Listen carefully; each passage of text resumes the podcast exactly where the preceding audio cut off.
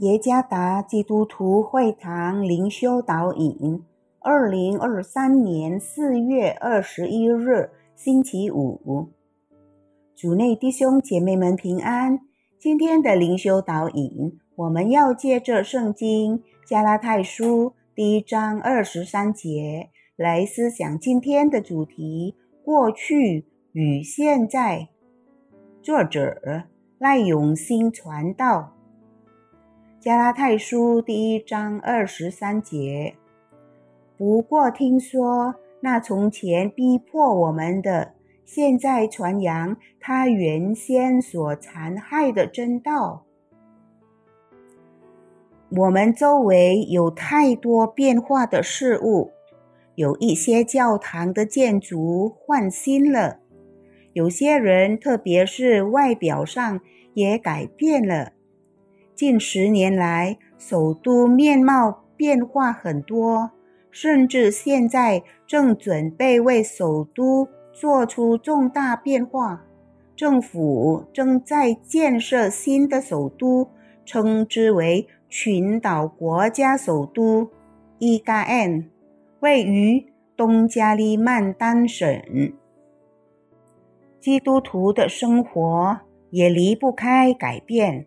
例如，保罗之前是一个非常严厉遵守摩西律法的法利赛人，他是第一世纪非常杰出的犹太拉比加马列最优秀的学生，他也是认同杀害斯提凡和其他耶稣跟随者的年轻领袖之一。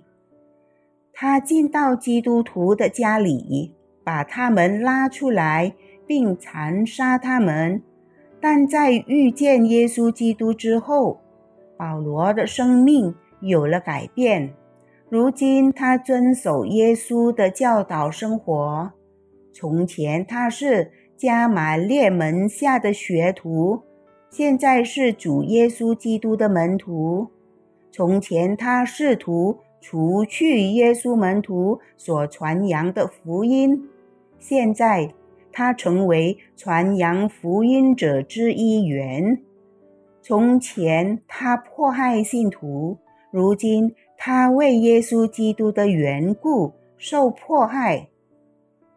上帝能改变保罗，使他有一个完全不同的人生。